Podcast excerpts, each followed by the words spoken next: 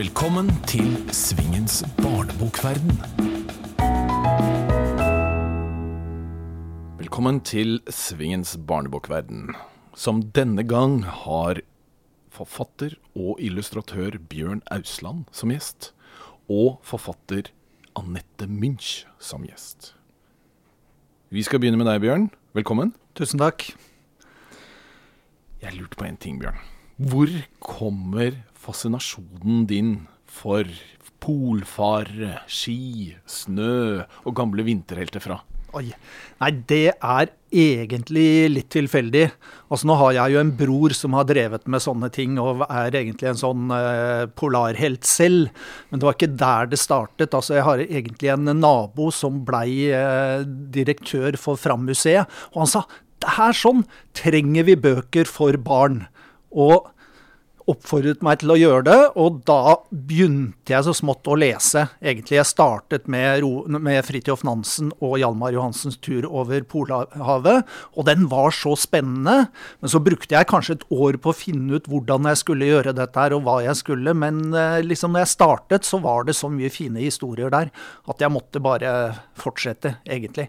Men litt tilfeldig, tror jeg. Det var ikke Ja. Mm. Du nevnte du har også en uh, bror som uh, driver, har drevet litt med dette, Børge. Ja.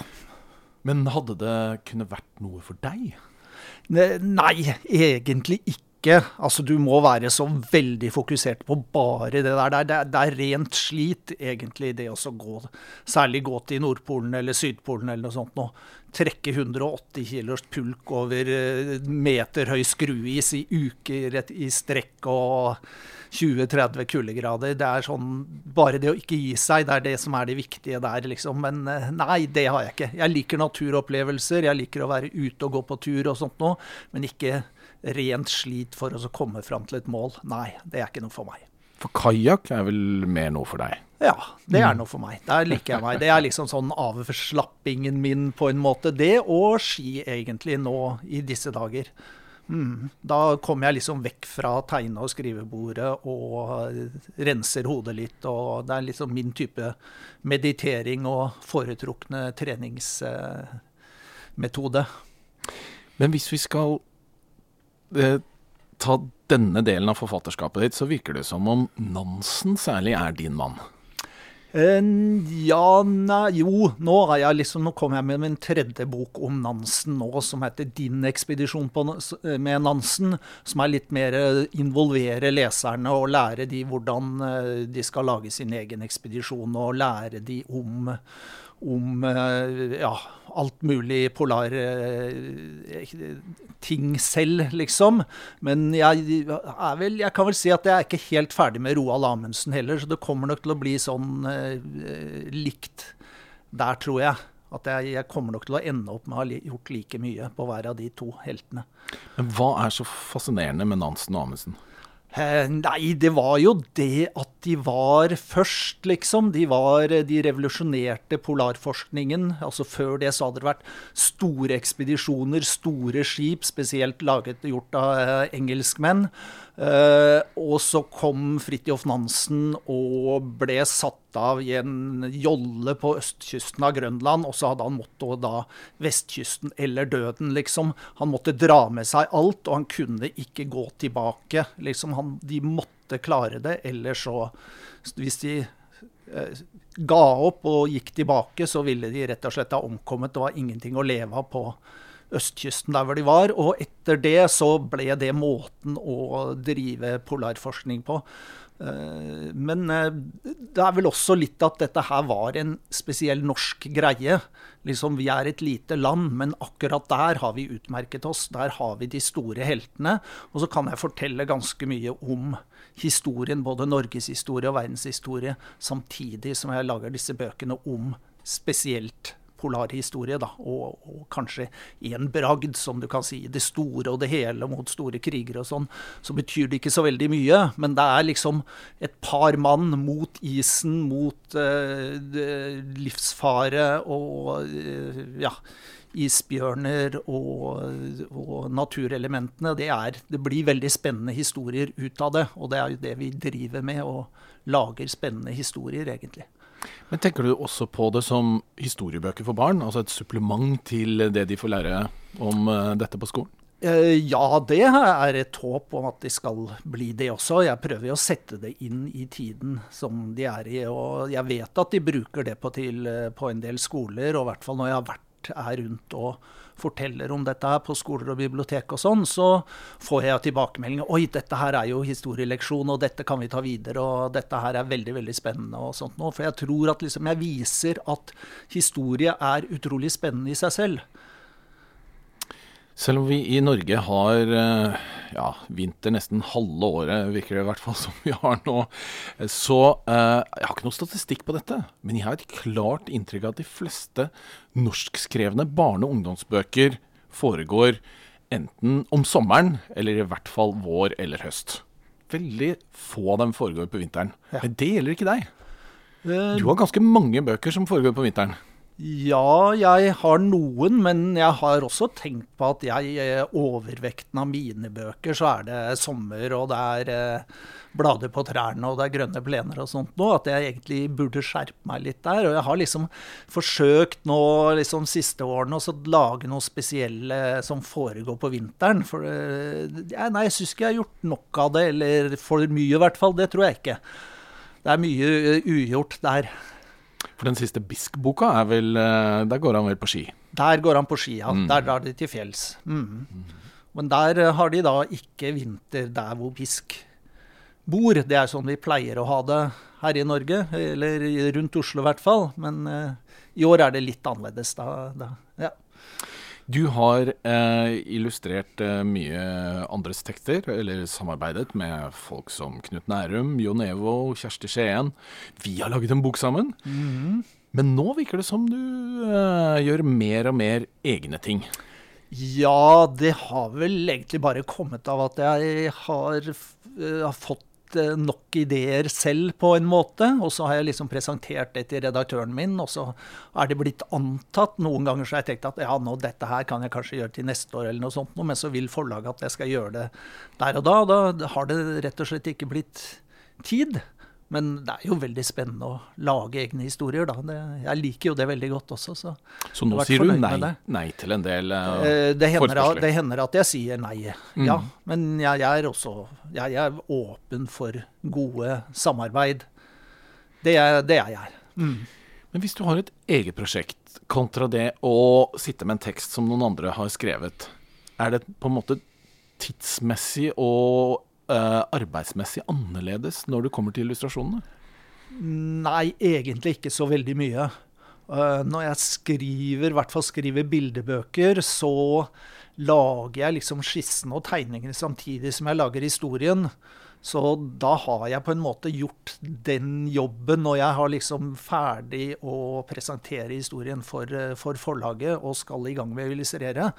Uh, mens hvis jeg får et manus fra en annen, så det virker det nesten som den tegnejobben tar liksom nesten Det tar samme tid som den jeg bruker på å skisse og stort sett skrive ut historien også. Det er, det er, liksom, det er ikke veldig mye å spare på å samarbeide for, med andre. Jeg må starte fra scratch hver gang, liksom. Finne ut hvordan skal dette se ut, hvordan ja, lage alle de skissene og alt sånt Og Det er ja. Mm. Har tegnestilen din et navn? Nei, det har jeg i hvert fall ikke tenkt på. Det, det har jeg ikke. Nei. Med mindre du har uh, ikke har uh, Noen andre har skrevet uh, Wikipedia-artikkelen om deg, så står det faktisk der at du er i funny animal-tradisjonen. Ja oh ja. Jeg er ikke helt enig i det selv. Jeg har liksom laget veldig Utenom Bisk, da, så har jeg laget vel litt Animals. Og det er ikke, det er ikke der jeg egentlig vært eh, blitt inspirert. Det har vært mer sånn franske science fiction-serier og sånt nå, så det er litt eh, Ja. Litt tilfeldig, tror jeg. Altså sånn Ja, hva er det som fungerer på de spesielle Eh, bokprosjektene. Men jeg, vel, jeg er i hvert fall veldig opptatt at det er dynamikk der. Uh, at det ikke er stillestående tegninger, og at det også er ganske tydelig hva som skjer. Altså Du skal liksom ikke Ja. du skal ikke eh, Nettopp fordi at uh, historiene mine er Altså, de blir drevet fram av tegningene i veldig stor grad. Jeg prøver å ikke forklare for mye hva som skjer i tegningene, men liksom uh, ungene må lese tegningene, og så kommer liksom litt tekst, litt dialog til. Det er sånn. Så derfor så Ja, vi må vite hva som skjer i tegningene. Så det er nok kanskje litt inspirert av uh, animasjon og, og sånt noe. Det var en periode akkurat, akkurat, da jeg begynte å skulle illustrere bildebøker spesielt, så så jeg ganske mye på sånne um, uh, animerte dukkefilmer. Og syntes det var veldig bra. altså Wallace and Gromit og Tim Burton sin, noen, sine dukkefilmer og sånt noe. Så der har jeg nok eh, plukket opp en del, men lite fra tradisjonell animasjon. Det tror jeg ikke, som man egentlig kaller hvor, hvor dette funny animal-begrepet vel kommer fra. Men du, du nevnte eh, franske science fiction-serier, og tegneserien er jo der du startet ut. Ja. Hva gjorde at du da tok eh, veien over til eh, bokillustrasjon? Eh, det, var, det er veldig, egentlig veldig lett. Da jeg startet med tegneserier, hadde jeg ambisjoner om å gjøre altså store bøker, det som vi nå kaller grafiske romaner. Men sånn utover på 90-tallet og sånt nå, så blei det vanskeligere og vanskeligere å få gitt ut, gitt ut, rett og slett. Uh, og jeg endte opp med å tegne sånn typisk avisstripeformat. Bitte små tegninger. Uh, tre eller fire bitte små ruter som jeg skal lage hver dag, og være morsom i siste ruta hele tiden. Uh, veldig bra trening, men jeg ble rett og slett lei av den veldig begrensede plassen der. jeg ville male, jeg ville lage store tegninger som gikk over dobbeltsider, altså oppslag. og ja, det var rett og slett det som gjorde det. Mm. Så hvis jeg, hvis jeg, hvis jeg hadde, hadde, hadde, det sett markedet sett litt annerledes ut, så kunne jeg hadde, godt hende at jeg hadde fortsatt med tegneserier. Og nå har liksom tegneserieromanen kommet mye mer tilbake og sånn, så ja. Mm. Så du utelukker det ikke framover? Nei, jeg utelukker ingenting, i hvert fall. Jeg, jeg, har lyst til å gjøre det, men jeg vet også hvor veldig mye tid det tar. Så det er også Jeg, jeg lover ingenting. Nå skal jeg prøve en eh, annen uh, teori på deg uh, når det gjelder bøkene dine. Har de blitt skumlere de siste årene? Da tenker jeg jo litt på Du har jo en bok som 'Småbarnssuppe'. Du har denne 'Knokkeldans', 'Ut på eventyr', 'Bø', som du har gjort sammen med Jon Evo. Mm, jeg, ja, altså jeg er fascinert av det å skulle skremme litt, nettopp fordi at jeg vil lage ting som er spennende. Og da er jo det kanskje noe av det aller mest spennende. Men det, det er også litt sånn tilfeldig. Altså, jeg hadde både den tittelen 'Småbarnssuppe' og 'Knokkeldans' sånn omtrent samtidig. Og det var to tilfeller som ikke skjer veldig ofte, at tittelen kommer først. Liksom sånn småbarnssuppe for en tittel. Her må jeg prøve å koke opp en historie. Altså sånn, Der må det være barn oppi en diger gryte. Hvordan kommer de dit? Og spesielt hvordan klarer de å komme seg ut derfra igjen? liksom sånn Å overvinne da hekser og trollmenn som eh, stjeler små barn. Liksom, da, så det er uh, Ja når jeg gjorde det, så, så, så jeg at ok, her er det jo ikke gjort så veldig mye akkurat når det gjelder uh, Småbarnssupper? Småbarnssupper og bildebøker for småbarn. Så da hadde jeg lyst til å fortsette med det. Og da hadde jeg også den tittelen 'Knokkeldans' var noe jeg hadde liksom sett for meg egentlig lenge, som bare var skjeletter som danset, og jeg ante ikke hva det skulle handle om eller noe, men det er også sånn som har tatt noen år før det er blitt til ferdig bok. Men du så det for deg, sier du. Er det sånn at du da også Du har tittelen, og du ser noen uh, skjeletter som danser. Begynner du da å skisse litt på det, for å på en måte komme videre i uh, historien? Ja, veldig ofte når jeg skal starte på et nytt bokprosjekt. Hvis jeg står der med uh, blanke ark, så begynner jeg ikke å skrive, egentlig. Da begynner jeg å lage skisser. bare massevis av skisser, og håper at det komme fram en eller annen hovedperson der, en eller annen, noen jeg vil har lyst til å følge videre et eller annet tema jeg ser i en Ja, altså Så, så jeg bruker liksom uh, uh, tegnehånda og skisseboka som en sånn idébankting, altså sånn bare for å komme i gang. Ja, så jeg starter veldig ofte med tegningene. For da vi eh, gjorde en bok sammen fra Tanzania, faktisk, ja. så husker jeg du gjorde veldig mange skisser underveis. Rett og slett for å huske litt hvordan ting var, i tillegg til å ta bilder og mye video. Mm. Så du satte jo på enormt mye materiale da vi kom hjem? Uh, ja, det gjorde jeg jo, og no, veldig mye av det får jeg ikke direkte bruk for. Men jeg får liksom bruk for Det, det er litt noe å eh, fange inn en stemning og Kanskje aller mest bare å starte å tegne, liksom. Altså at uh, nettopp dette blanke arket kan være litt uh, skummelt, men hvis du skisser og har noe å se etter og bare lager streker på et papir, da er du i hvert fall i gang. Mm. Ja, for der visste du jo ikke helt hvordan historien skulle bli heller på det tidspunktet. Nei. Vi reiste jo ned før vi hadde historien.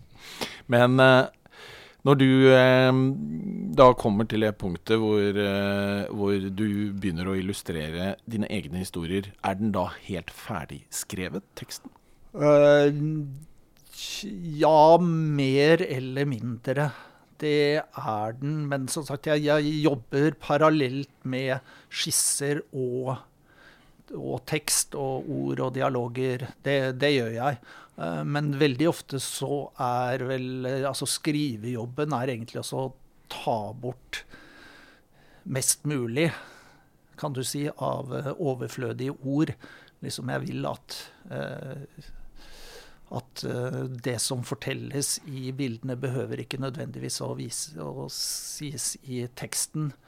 og da er det liksom å korte ned på setninger og gjøre det liksom litt sånn kjapt og greit. Og jeg får jo mye tilbakemeldinger at uh, de som litt uh, de som akkurat har begynt å lese og sånn, kan like mine bøker veldig godt. De kan jo, En, en ting er at de kan forstå historien bare ved å se, se, bildene, men også det at jeg i hvert fall prøver å ikke ha lange, vanskelige setninger og den, den slags ting. Men hva vil du si er den største utfordringen med å lage bøker for barn?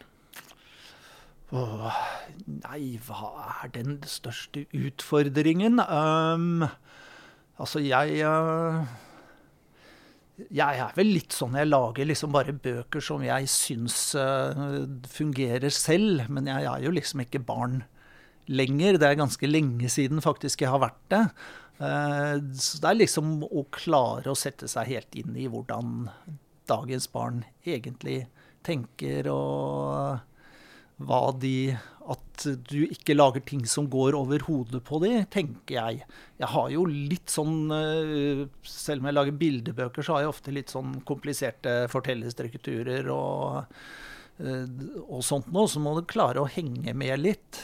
For det jeg lager, legger inn tegneseriesekvenser og litt sånn visuelle gagger og alt sånt noe. Men eh, jeg tenker at ja, det er vel det å ikke miste leserne. At de skal liksom Ja de skal uh, bli fenget. Og så er det jo liksom konkurransen med alt det andre, iPaden og alle de tingene der, må vi jo også tenke i hvert fall jeg litt på. da, At jeg vil, uh, ja, jeg vil lage noe som de har lyst til å plukke opp selv. Ikke som bare foreldrene eller besteforeldrene kjøper til de, men at uh, når de først leser en av bøkene mine, så har de lyst til å lese den om igjen og om igjen, eller bli lest for. Men apropos det. Når um, du har en tittel som 'småbarnssuppe', merker du da en forskjell for hvordan uh, voksne reagerer på både omslaget og tittelen, og ungene? Uh, nei, nå har jeg ikke fått så veldig mye sånne at voksne har syntes at det er ille Tro, den tiden tror jeg er litt forbi. Eller så sier de det ikke til deg. Eller så sier de det ikke, men jeg har jo hørt at det er en del som uh, syns den er kjempeskummel og får litt uh, mareritt, men vil allikevel høre den hver eneste kveld. Mm. Så det, det, er litt sånn skrekkblandet uh, fryd. Det, ja, hvis jeg klarer å få fram det, så er jo jeg fornøyd. Men jeg hadde ja, kanskje Hadde det vært noen år siden, så hadde det vel kanskje vært litt kontroversielt og sånt noe. Ja, det kanskje man kan jo alltid håpe på en liten, at noen skal protestere og sånt noe, men eh, det har de ikke gjort her nå. Nei. Så det var egentlig det du håpet på? Nei, jeg, jeg håpet bare på å lage en bra historie. men, men, du har jo en serie gående om en hund som heter Bisk. Ja. Fortell om han. Uh, Bisk han er en hund, men han er også en gutt. Og han er, bor i et hus og i, handler i butikken og gjør sånne ting som vi, eh, vi, mennesker gjør. Og det var liksom, det var en sånn idé som plutselig slo ned i meg. Jeg hadde levert en veldig, en hel uh, bok til redaktøren min. En uh, bok om Kalle Komet som jeg hadde gjort sammen med Knut Nærum. Og så gikk jeg fra forlaget. Jeg var helt utslitt. Jeg skulle innom hovedbiblioteket i Oslo bare for å låne med meg noen bøker, for nå skulle jeg ta noen uker fri og skulle bare få inspirasjon. Og på vei altså fra gamle Cappelen forlag og til hovedbiblioteket, som er bare noen hundre meter, så boink, så fikk jeg den ideen. Hva skjer hvis en hund finner en menneskebaby og tar med den ungen hjem og beholder den og har den som kjæledyr? Og det var liksom starten på Bisk. Uh, og det ble da historien som heter 'Bisk for en liten unge'. Men når jeg hadde laget den, da visste jeg ikke at det skulle bli noe mer. Men jeg skjønte veldig fort at da kunne jeg ikke bruke den ideen med at uh, en hund har et har men, Hundene har mennesker som kjæledyr mer, så da måtte Bisk få nye venner og oppføre seg mer som en vanlig, vanlige barn, egentlig. Så det, det, er litt sånn Ja. Det blei historier så lenge jeg hadde noe å skrive om. Det kan godt hende at det blir mer eh, om Bisk, og jeg liker han veldig godt. Men eh, vi får se. Men 2018, Bjørn, jeg regner med at du har eh, noe nytt på gang?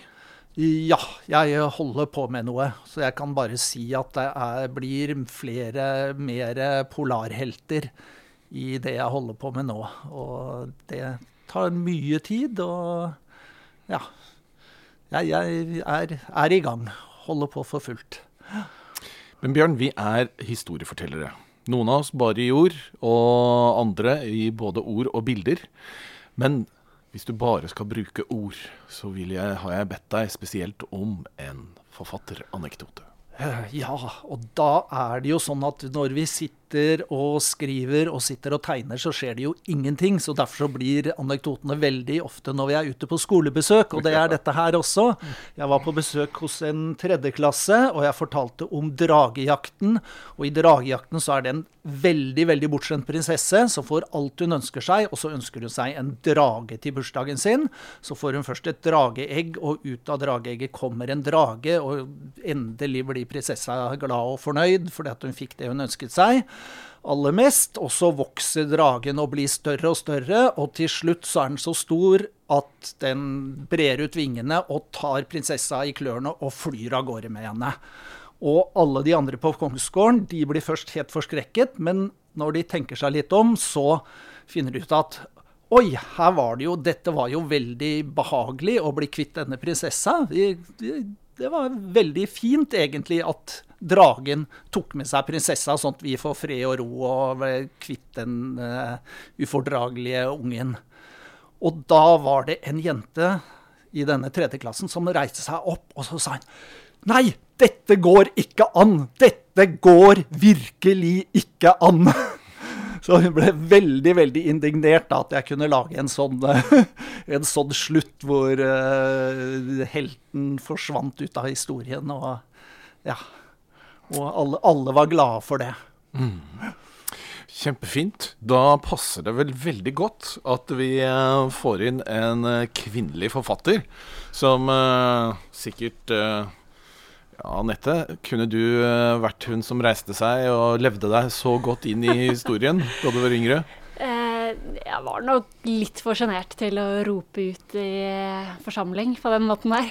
ja, jeg, jeg, må jo si at no, noen andre ganger så har det ved akkurat med den samme boka har det vært noen jenter som har, flere jenter faktisk, som har reisa eller røkket opp henda og sagt jeg er også sånn bortskjemt jente som roper 'jeg vil ha, jeg vil ha, jeg vil ha' hele tiden. Så hva får begge deler. Selvinnsikt.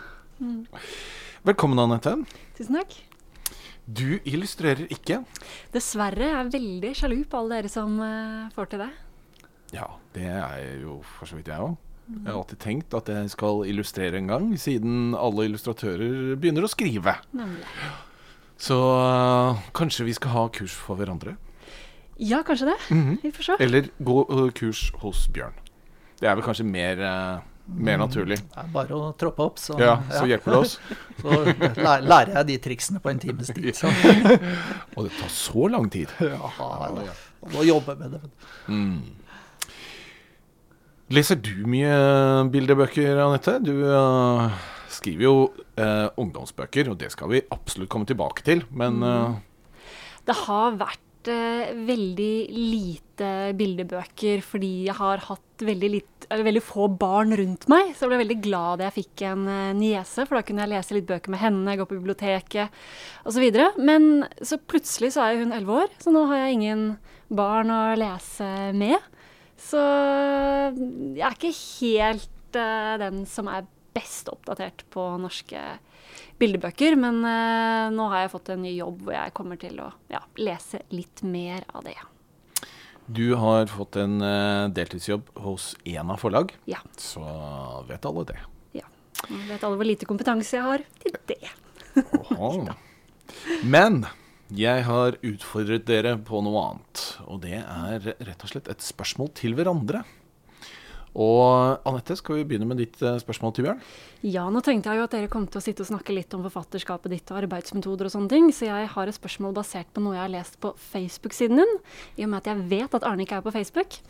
Eh, du skrev nemlig der at du hadde hatt et forfatterbesøk via Skype, og det syns jeg er veldig spennende. Jeg liker litt sånn nye teknologiske løsninger. Eh, så veldig kjapt hvordan du syns det fungerte, om du tror det er en fremtid i det? Altså slipper vi å kjøre bil inn i skog og Mm, altså, det fungerte eh, ganske greit, egentlig. De hadde storskjerm, og det var tre klasser som eh, som satt foran der, og så kom eh, to og to elever fram og stilte meg spørsmål og, og sånn. De sa selv at det var litt dårlig forbindelse, men det blir jo eh, ordnet sånn etter hvert. Men det, det var nå nettopp da en skole i Lillesand. Men jeg har gjort det én gang før i Russland.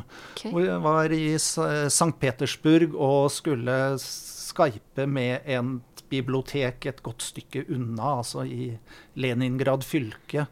Så der er det visst relativt ganske vanlig. Men jeg, nei, jeg håper vel egentlig at eh, det fremdeles er behov for at vi skal reise rundt og møte elevene personlig. Det blir litt mer Du får snakket med dem litt etterpå og gjort sånne ting. Ja, og de får får, får den nærme kontakten. Ja.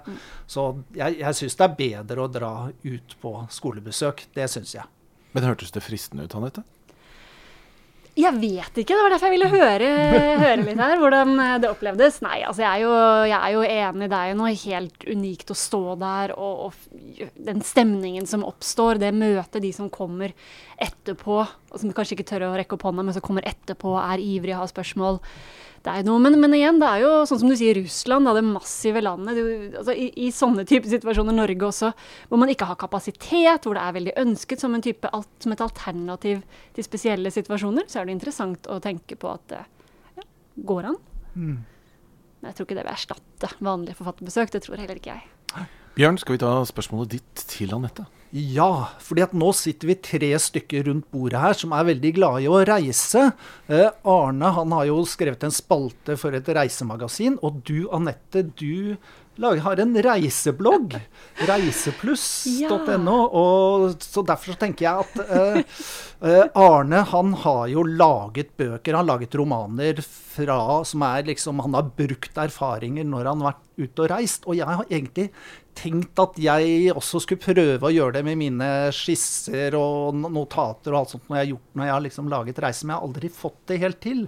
For da er det med deg. Har du forsøkt dette her? Har du noe ønske om å gjøre det i framtiden? Det er så veldig mye erfaringer, veldig mye uh, opplevelser når du er eh, spesielt liksom på den andre siden av jorda, hvor det er helt annerledes enn hos oss og sånt noe.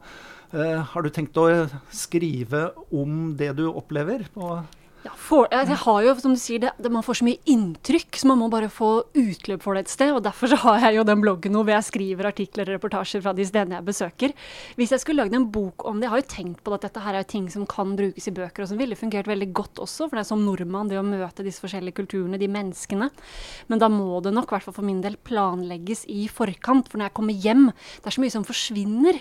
Jeg vet Arne var i Marokko og skrev litt der. Jeg tenker når du sitter der, det merker jeg med artikler også, altså det, det, blir en, en, helt annen tekst. Så da måtte jeg ha planlagt det bedre, og det har jeg foreløpig ikke gjort. Men jeg har det litt sånn i bakhodet at det kunne vært spennende å prøve en gang. Nettopp fordi også når man har skrevet bøker som utspiller seg i Oslo, Oslo-Bærum, for det meste, så ja, så blir det litt på en måte nye, nytt spillerom. Hvis du mm. befinner deg i en annen verdensdel. Så det er rett og slett en plan du har uh, framover, Bjørn? Uh, nei, som sagt, jeg har liksom tenkt på det lenge. Jeg har uh, lurt på om jeg kan bruke de erfaringene jeg har fra noen av mine reiser. Men jeg har ikke greid å finne en form på det ennå, egentlig. Det har jeg ikke. Bjørn, da skal vi takke for følget ditt. Skal du få lov å sette deg i den myke, gode sofaen og uh, tusen takk for at du kom. Tusen takk. Og så skal vi konsentrere oss bare om deg og dine bøker, Anette. Men aller først så har jeg egentlig lyst til å begynne med en slags forlengelse av det du snakket om med skolebesøk på Skype. Fordi du har gjort, en ting som, som du er kanskje blant de som har gjort mest i Norge. Og det er rett og slett å reise rundt på skole med en forestilling. Ja. Det har du gjort på flere av uh, bøkene dine. Kan du bare sånn kort skissere på hva slags form det blir på en uh, slik forestilling? Uh, den jeg reiser med nå, det er jo en kombinasjon av det er svart-hvitt-bilder i bakgrunnen mens jeg leser. Det er lydeffekter mens jeg leser. Så har jeg intervjuer med personer som er relevant for boken. I dette tilfellet er det da steroidebrukere. Eh, så har jeg fått spesialskrevet hiphop-låter av Erika Chris, Erika Chris, som vi også har filmatisert. Så det er da en kombinasjon av at jeg leser med foto og lydeffekter i bakgrunnen, intervjuer med kilder fra virkeligheten og musikkvideoer. Ja, i hovedsak. Men den personlige delen, hvordan arter den seg? Altså Du er der, du leser. Mm. Har du noen dialog? Ja, jeg snakker med elevene når jeg kommer. Har en sånn liten quiz med dem om Jeg er ikke så veldig glad i å snakke om meg selv. Jeg er ikke så veldig Jeg syns det blir så personlig, men jeg har lagd en sånn type quiz for å få de ja, med ting også litt for å få respekten, faktisk, i starten. Uh, fordi jeg er mye på videregående, jeg blir sendt mye til uh, yrkesfag, uh, ja, osv. Mm, så jeg snakker med dem på starten, og jeg snakker med dem på slutten. Men underveis, hovedforedraget på sånn 35-40 minutter, er at jeg leser og viser fram ting. Du sa du ikke var så glad, glad, i å snakke om deg selv, eh, hvilket du faktisk må gjøre litt i dette programmet. Men, men er det grunnen til at du eh, velger forestillingen som form? For veldig mange av spørsmålene vil jo gjerne dreie seg mye om bøkene, men også mer personlige ting. Ja, så fokuset da blir mer på boken og temaet i boken. Som i, dette tilfellet er det jo steroider og kroppspress. Og forrige gang så var det jo også da med, med jenter og jentekriminalitet og vold og sånne ting. Og jeg syns det er lettere å ha fokus på det enn å ha fokus på, på meg. Og jeg syns det, det, er unaturlig å stå og skulle Altså, jeg vet at det ikke er det, men for meg å tenke at jeg skal stå nå og snakke om meg selv jeg klarer ikke se for meg at det er så interessant for andre. Men så skjønner jeg jo at for de som har lyst til å bli forfattere, som de som er interessert i skriving, for de som kanskje har lest boken, så er jo det interessant. Men um, jeg føler at det er mer spennende å, å, formidle historien. Og det var litt av utgangspunktet til den Badboy-produksjonen jeg reiser med nå. Det var jo at jeg ville ikke at den boken og det temaet skulle dø ut, fordi jeg følte at tematikken her var så viktig. Den var, den var så viktig at denne boken fortjener mer enn å stå i bokhylla som bokhandel i to måneder og så bare forsvinne ut. For det, det jeg har funnet ut gjennom å jobbe med det her, det må, det må, komme ut. Og da var løsningen å lage en produksjon. Så det var ikke da å reise rundt og snakke om meg selv, men å snakke om det jeg hadde funnet ut under arbeidet med boken. Men når du gjør en forestilling, så når du flere av gangen enn det du ville gjort i et tradisjonelt forfatterbesøk. Vet du noe om resultatene? Finnes det noe som helst eh, rundt om de leser eh, mer eller mindre, eller eh, kaster seg over boka di etter at du har vært her? Det er vanskelig å si, for jeg hører jo ikke så mye fra skolene i ettertid. Det jeg kan sjekke Jeg har jo lagd en SMS-tjeneste, så hver gang jeg holder et foredrag, så får de også en kode som de kan sende til et telefonnummer, og da får de halve boka på mobilen. Slik at de som er interesserte og motiverte der og da, de kan der og da laste den ned og komme i gang, i stedet for å stå på venteliste på biblioteket i to uker, og så gidder de ikke. For da har de glemt. Da er liksom litt av den inspirasjonen borte. Eh, Så der kan jeg gå og hente ut statistikk. Det har jeg faktisk ikke gjort. Men jeg regner jo med nå, når jeg er ferdig til sommeren, så har jeg holdt det foredraget for ca. 30 000 elever. Så jeg regner med at om bare 2% av de har lest boka etterpå, eller har tatt budskapet til seg, fått ny informasjon som kan være til hjelp når de står i en situasjon senere, så tenker jeg at uansett så blir Så må det være et tall som betyr noe for, for meg, i hvert fall. Bra nok for meg. Ja, for du har jo valgt å skrive ungdomsbøker, som er altså for den lesegruppa som antagelig leser aller minst. Bra strategisk valg der. Hvorfor ungdomsbøker? Nei, jeg begynte på den første romanen min da jeg var sånn 18-19 år. Og da var jo det helt naturlig, for det var jo den virkeligheten jeg kjente. Eh, og da jeg var ferdig med den, og den kom ut, så var jeg vel 25 og jobbet jo som redaktør for ungdomsmagasiner. Så jeg bevegde meg jo fortsatt i det universet. Og følte meg jo fortsatt ikke voksen som 25-åring. Eh, så da var det naturlig at jeg da skrev en ny ungdomsbok når jeg skulle begynne på nytt. Eh, og så ble det jo det har det blitt det nå to ganger til. Rett og slett fordi det er det du er blitt kjent med, det er det du vet du får til, det er trygt. Eh, Og det er der Nå beveger jeg meg også i det miljøet, og jeg, ikke, altså ikke i ungdomsmiljøet, men i et miljø med ungdomsbokforfattere osv. Og, så og du får inspirasjon og ideer. Så mm, det har, det har ikke vært et bevisst valg jeg har tatt, men det har blitt sånn foreløpig. Så får vi se hvor lenge det, hvor lenge det varer. Du er ganske glad i research, Anette.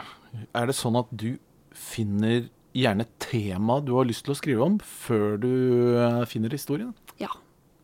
Det var både med Jenteloven og Badboy.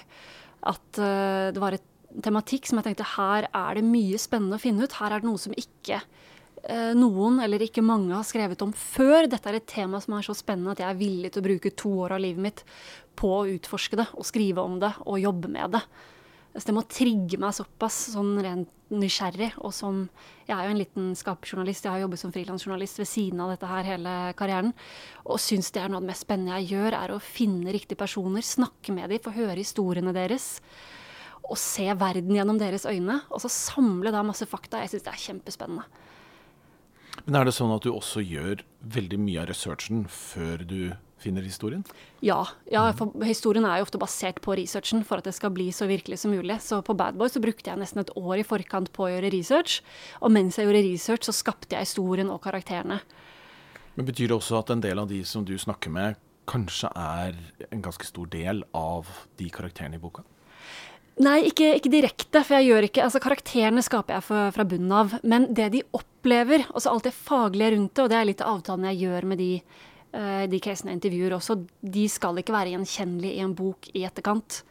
Men deres erfaringer eh, og alt det faglige rundt dette her, det bruker jeg. Men det er såpass små bruddstykker. Og, og også med steroideboken så så jeg jo hva er det som ofte går igjen hos alle disse her. For det var jo helt forskjellige historier, men du ser det er noe som går igjen med alle som misbruker steroider. Og da brukte jeg det når jeg skapte min karakter, det som var felles for de fleste.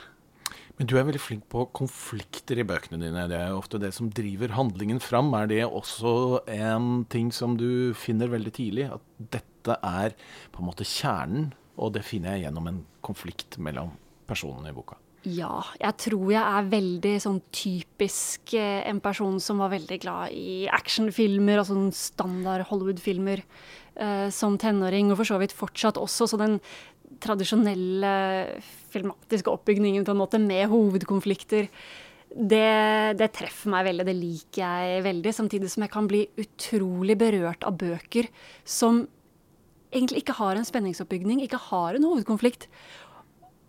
Og så er det så flott å lese likevel. Det syns jeg er helt fantastisk, men jeg tror ikke jeg hadde klart å skape det selv. Eh, jeg trigges også veldig av det å skape stemninger. Disse sterke, menneskelige følelsene. Eh, og for å på en måte trigge de, så er det også avhengig av at det skal skje konflikter i større eller mindre grad. Jeg jobber litt med å lære meg selv at det er ikke nødvendigvis personer som må bli skutt i fillebiter og bygninger som må gå i lufta for at det skal være en spenning eller, eh, eller, konflikt. Men å prøve å finne til de litt mindre konfliktene, men som kan utløse de samme følelsene og den samme stemningen. Du skriver jo realistiske bøker. Er det journalisten i deg som hindrer deg i å bevege deg ut i andre landskap? Jeg tror det. Både fordi jeg liker det, jeg liker å, å jobbe på en måte litt journalistisk, øh, og øh, fordi jeg ikke vet om jeg klarer noe annet. Men jeg burde egentlig ha utforsket det mer, men jeg har jo fortsatt noen år foran meg, forhåpentligvis, til å gjøre det. Ja, for Du nevnte at uh, miljøet med andre barne- og ungdomsbokforfattere betyr en del. Men til nå har du jo da bare skrevet øh, for ungdom. Betyr det at vi kanskje kan forvente noe for de yngre òg? Jeg har veldig lyst til å prøve meg på det, uten å love for mye her nå. For Så vi får se. Men, eh, men, jeg trenger jo å utfordre meg selv litt. Og det prøver jeg med bøkene mine, selv om det er små ting. Det kan være alt fra å skrive at jeg har skrevet den forrige boken i første person, og da skal jeg skrive i tredje person i den neste. Det kan være at jeg skriver om en jente i den ene romanen, og da skal den andre handle om en gutt. Altså bare prøve å flytte litt sånne små for å komme litt ut av komfortsonen. Uh, men selvfølgelig så må jeg jo etter hvert, eller jeg ønsker jo også å utforske ulike sjangere, også for å utvikle meg selv videre. Men du har en ny bok på gang. 'Dropout'. Ja. Og hva vil du si at du har gjort annerledes denne gangen i forhold til dine tidligere bøker? Nei, For det første, altså sånn rent enkelt, så er det jo tre hovedpersoner i stedet for én. Eh, den fortelles i tredjeperson, noe jeg egentlig ikke er så komfortabel med, men jeg har gjort. Og her utspiller også hele handlingen seg inne i et bygg. Så jeg er litt usikker på om jeg har bitt over litt for mye, for mye her. Eh, jeg har heller ikke gjort like mye research her som jeg har gjort med de tidligere bøkene. Jeg har snakket med en del gutter som har droppet ut av videregående skole. Ja, Si to-tre uh, setninger om handlingen. Ja, Veldig kort så handler det om da en tre gutter som har droppet ut av videregående, og som er veldig sinte. De bestemmer seg da for en kveld, og de planlegger dette de skal bryte seg inn på en skole på kveldstid når den er tom, og så sprenge en del av bygget eh, som en slags aksjon, politisk aksjon. Så viser det seg at det er noen jenter der og øver til en eh, konsert, så dette utvikler seg til å bli en gisselaksjon. Og jentene får da sendt ut en melding slik at politiet blir informert, og snart så har du da beredskapstroppen og full pakke mens disse guttene sitter der med bomben sin og gisselen og vet ikke helt hva de skal gjøre. Og så får man også da etter hvert vite at de har litt forskjellige agendaer og bakgrunnshistorier. Det er forskjellige grunner til at de tre guttene er der de har havnet der de er. Denne boka har også en ganske spesiell eh, forhistorie. Den er rett og slett basert på en musikal som du også har skrevet. Ja, jeg ble kontaktet etter Jenteloven og spurt om å skrive en musikal for et barne- og ungdomsteater. Eh, det sa jeg ja til. Da var jeg akkurat kommet med på dramatikkutdannelsen til eh, NBI og NBU. Så det passet veldig, veldig bra. Så jeg skrev den, og det var en veldig flott opplevelse. Den gikk da på Lillestrøm kulturhus og var gjeste, gjesteoppsett på Den Norske Operaen. Hvor kronprins Haakon var altså på premieren, så det var superstas.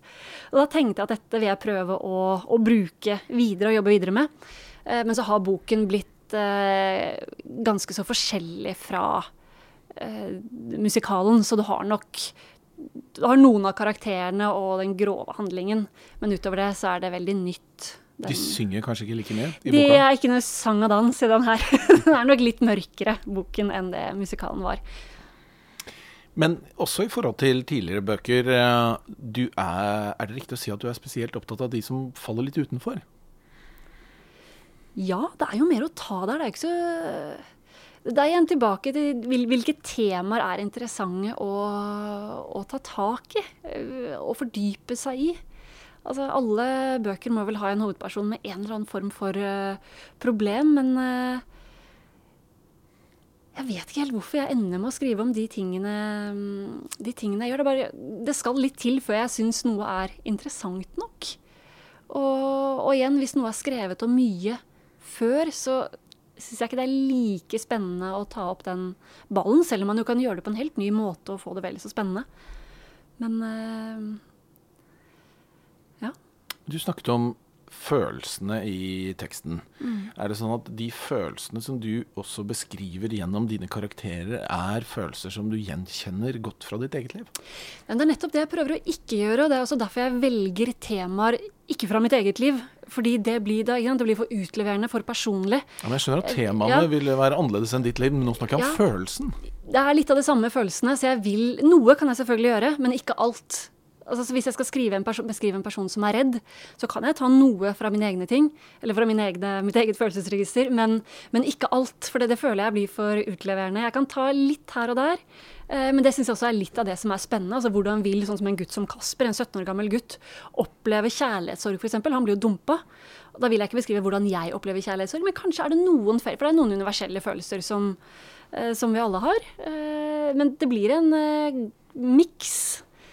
Eh, Allikevel så føler jeg at folk Det er så mange som kommer til meg når jeg holder foredrag på skoler og antar at jeg skriver om eget liv. og Det er kanskje derfor jeg er blitt veldig obs på det. At jeg vil ikke og Selv med Bad Boy så kommer, nylig så kom det en rektor til meg etter foredraget, og så spurte han men, eh, men du, jeg vil bare høre, hvordan kom du deg ut av dette her? Og tenker Jeg sånn, jeg skriver om en 17 år gammel gutt som tar steroider, og likevel så tenker man at forfattere skriver om seg selv. Så jeg er veldig bevisst på at det vil jeg ikke. Det, det blir for utleverende. Men likevel, når du da Du har jo drevet med kampsport, og kampsport har du skrevet om. Det har jeg. Det er greit. det er noe med å skrive om litt av det man kan om også, slippe å gjøre research på alt, noe av det man brenner for. Det er vel lite jeg har brent for i livet mitt så mye og så lenge som kampsport. Så det, det er ikke så personlig heller som å skrive om eh, ja, dype, sterke personlige følelser. Um, men ja. Jeg har nok brukt mer eh, av meg selv i bøkene mine enn jeg liker å innrømme. Jeg prøver nok å gjøre det mindre, men det er jo begrenset hvor lite man ja, kan gjøre det. Når du kommer med en ny bok som eh, straks er ute, så hva slags forventninger har du? Jeg tror det blir litt uh, tøft fordi jeg fikk så gode tilbakemeldinger på Jenteloven og Bad Boy. Eh, Bad Boy fikk jo også Bragprisen, så det er klart eh, Ja, så jeg Mange venter nok på en ny bok fra deg. Ja, og jeg tenker at jeg, målet mitt er jo ikke å skrive en altså Selvfølgelig, målet mitt er jo hele tiden å forbedre meg og skrive bedre og bedre bøker. Men jeg det, er vanskelig å sette seg ned og skulle skrive et manus og tenke at dette skal bli en Brageprisvinner til. Da, da er det bare å gå og sette seg og se på Netflix eller gjøre noe annet. Så jeg eh, Det å vite at den vil bli målt opp mot det, det gjør jo at jeg i hvert fall justerer mine forventninger lite grann. Det, det kan man si. Men jeg, jeg håper jeg har gjort Jeg har jo nå gjort mitt aller, aller, aller beste. Jeg har utfordret meg selv eh, litt sånn sjangermessig.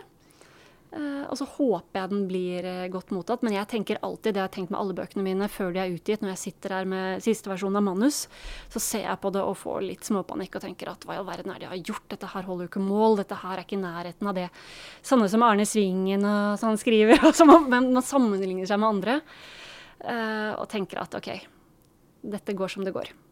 Jeg har utfordret deg til en forfatteranekdote. Ja.